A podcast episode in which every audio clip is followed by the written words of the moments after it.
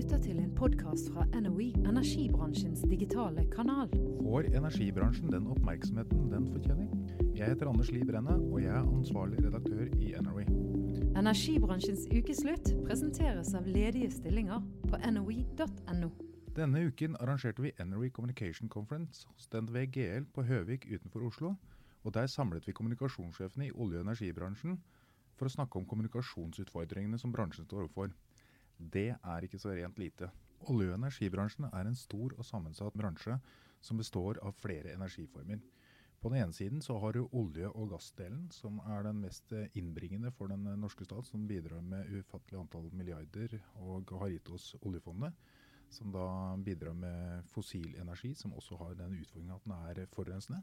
Og energibransjen består også av kraftbransjen, som er da de som produserer elektrisiteten ved hjelp av vannkraft, vindkraft og solkraft. Begge disse bransjene sliter med å nå opp i mediebildet. I en rapport fra Medietilsynet som kom i forrige uke, så var det en delrapport som fortalte litt om hvor lite nrk.no skriver om hele olje- og energibransjen. Ifølge tallene der så er det så lite som 0,9% av artiklene på nrk.no dreier seg om olje- og energibransjen. Likevel så er NRK faktisk bedre enn gjennomsnittet av norske medier. For hvis du tar hele mediebildet på nett, hvor analysen har gått gjennom 160 nettaviser, så er det så lite som 0,88% av artiklene skriver om olje- og energibransjen. På Energy Communication Conference spurte jeg derfor olje- og energiminister Terje Søviknes om bransjen får den pressedekningen den fortjener. Jeg vil jo si at alle egentlig får det den fortjener. For det hjelper ikke å begynne å peke på media og skylde på de. Husk på at når man peker på noen, så peker òg fire fingre på en sjøl. Så da må man gå i seg sjøl, og man må jobbe bevisst med hvordan man kommuniserer. Og jeg har vært tydelig i dag på at olje- og gassbransjen har mye å være stolt av. De gode historiene som gjerne må personifiseres. og ikke minst vise fram mulighetene de unge har i denne bransjen til både fagutdanning og høyere utdanning og gode jobber. Og så må vi bli flinkere til å være på de arenaene som folk er på i dag. Det er gjennom sosiale medier, ikke minst de unge. Så bransjen må tenke gjennom sin kommunikasjonsstrategi og se hvordan man kan tilpasse seg det nye mediebildet, og ikke gå i de samme vante sporene som man har gjort før. Og faktisk òg bli litt mer offensive og ta del i de offentlige debattene, det offentlige ordskiftet. Og mye av de ordskiftene skjer i dag i sosiale medier, ikke gjennom de store tradisjonelle mediene eller tradisjonelle debattprogrammer eller folkemøter som de gjorde før. Når man argumenterer for olje- og gassbransjen, så snakker man ofte mye om store tall og hvor mye penger det bidrar til samfunnet. Er det riktig strategi for bransjen å snakke om hvor viktig det er? De faktaene er jo ekstremt viktige å få fram, men de må formidles på en måte som angår folk i hverdagen. Og da snakker vi jo om at oljeinntektene har bidratt til den velstandsutviklingen vi har fått i Norge, og at vi har den barnehagesektoren vi har, og at vi har den eldreomsorgen vi har, det sykehusvesenet vi har, det politiet, det forsvaret.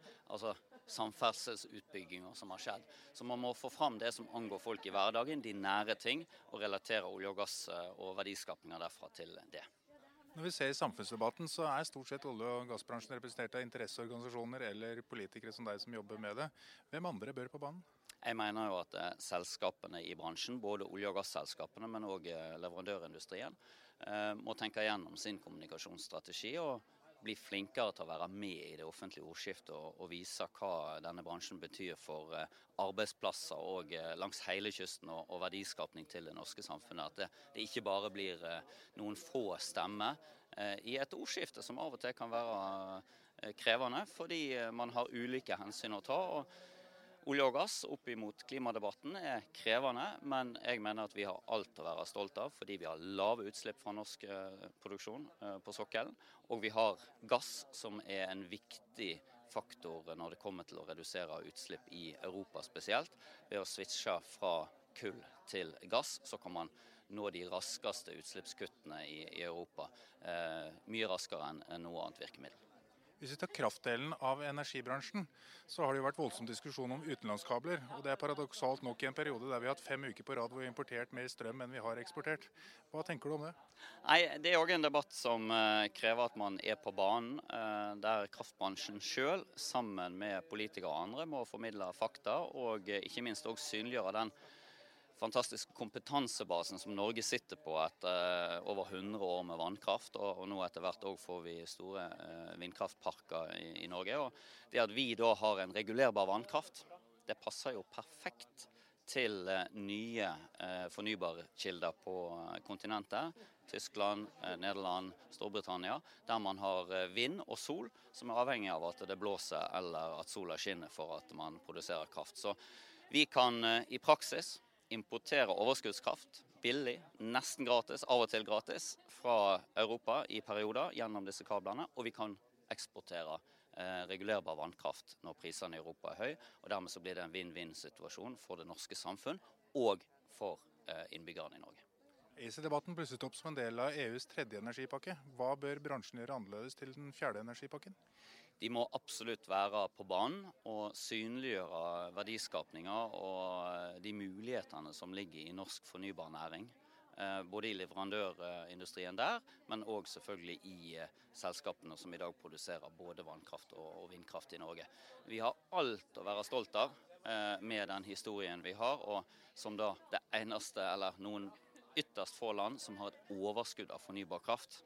Vi har et helt annet startpunkt enn det mine kollegaer eller land både i Europa, Afrika, Asia og andre deler av verden har når det kommer til den store energitransformasjonen som nå skjer. For det er ikke tvil om at i det lange perspektiv så vil vi gå i, i retning av mye, mye større andel fornybar kraft i energimiksen. Energibransjens ukeslutt presenteres av ledige stillinger på noi.no.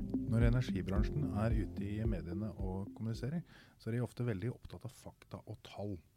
Det mener Søviknes er viktig, men han mener at det ikke holder bare å ha faktaene i orden. Man må også bli flinkere til å fortelle gode historier. Norsk olje og gass er oljebransjens interesseforening, og de er veldig aktive i å formidle oljebransjens syn. Søviknes mener imidlertid at det ikke er nok at han som olje- og energiminister og at Norsk olje og gass som en interesseorganisasjon er på banen. Han oppfordrer også selskapene til å ta grep og komme på banen og fortelle litt om hva det dreier seg om. Olje- og gassbransjen har noen gode argumenter med tanke på at vi bidrar med så mye penger til velferdssamfunnet og sørger for at vi kan eh, alle gå på skole og ha helsevesen og ha alle de godene vi faktisk har. Men samtidig så er heller ikke det stikkende under en stol at olje- og gassbransjen har noen utfordringer med tanke på klimautfordringene, og at olje og gass faktisk er en forurensende næring. Man skulle kanskje derfor tro at det var lettere for kraftdelen av bransjen, som er eh, så å si 100% fornybar energikilde i Norge, men slik er det ikke. Vi snakket med Aslak Øverås, informasjonssjef i Energi Norge, om hvorfor de faktisk er nødt til å gå ut og fortelle at de er en fornybar næring. Hvorfor er det så viktig for Energi Norge å presentere bransjen dere representerer som fornybarbransjen?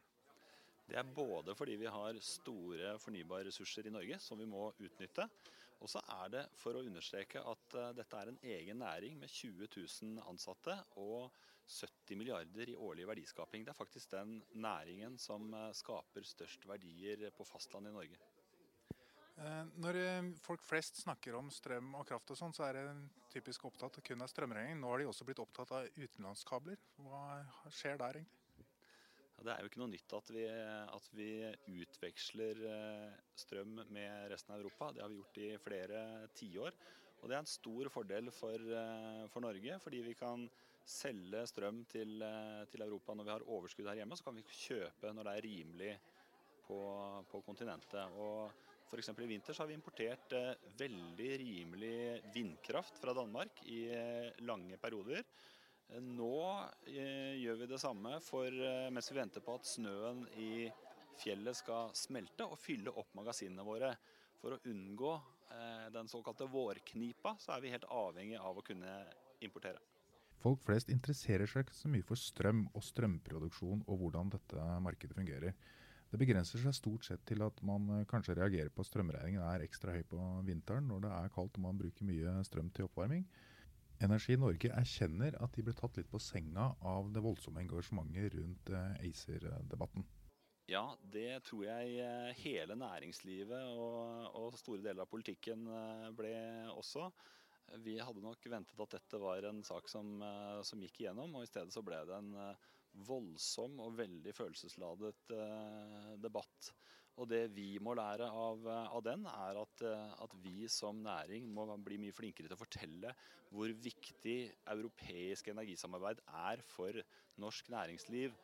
for vår, vår sektor og for alle som eksporterer og handler med Europa.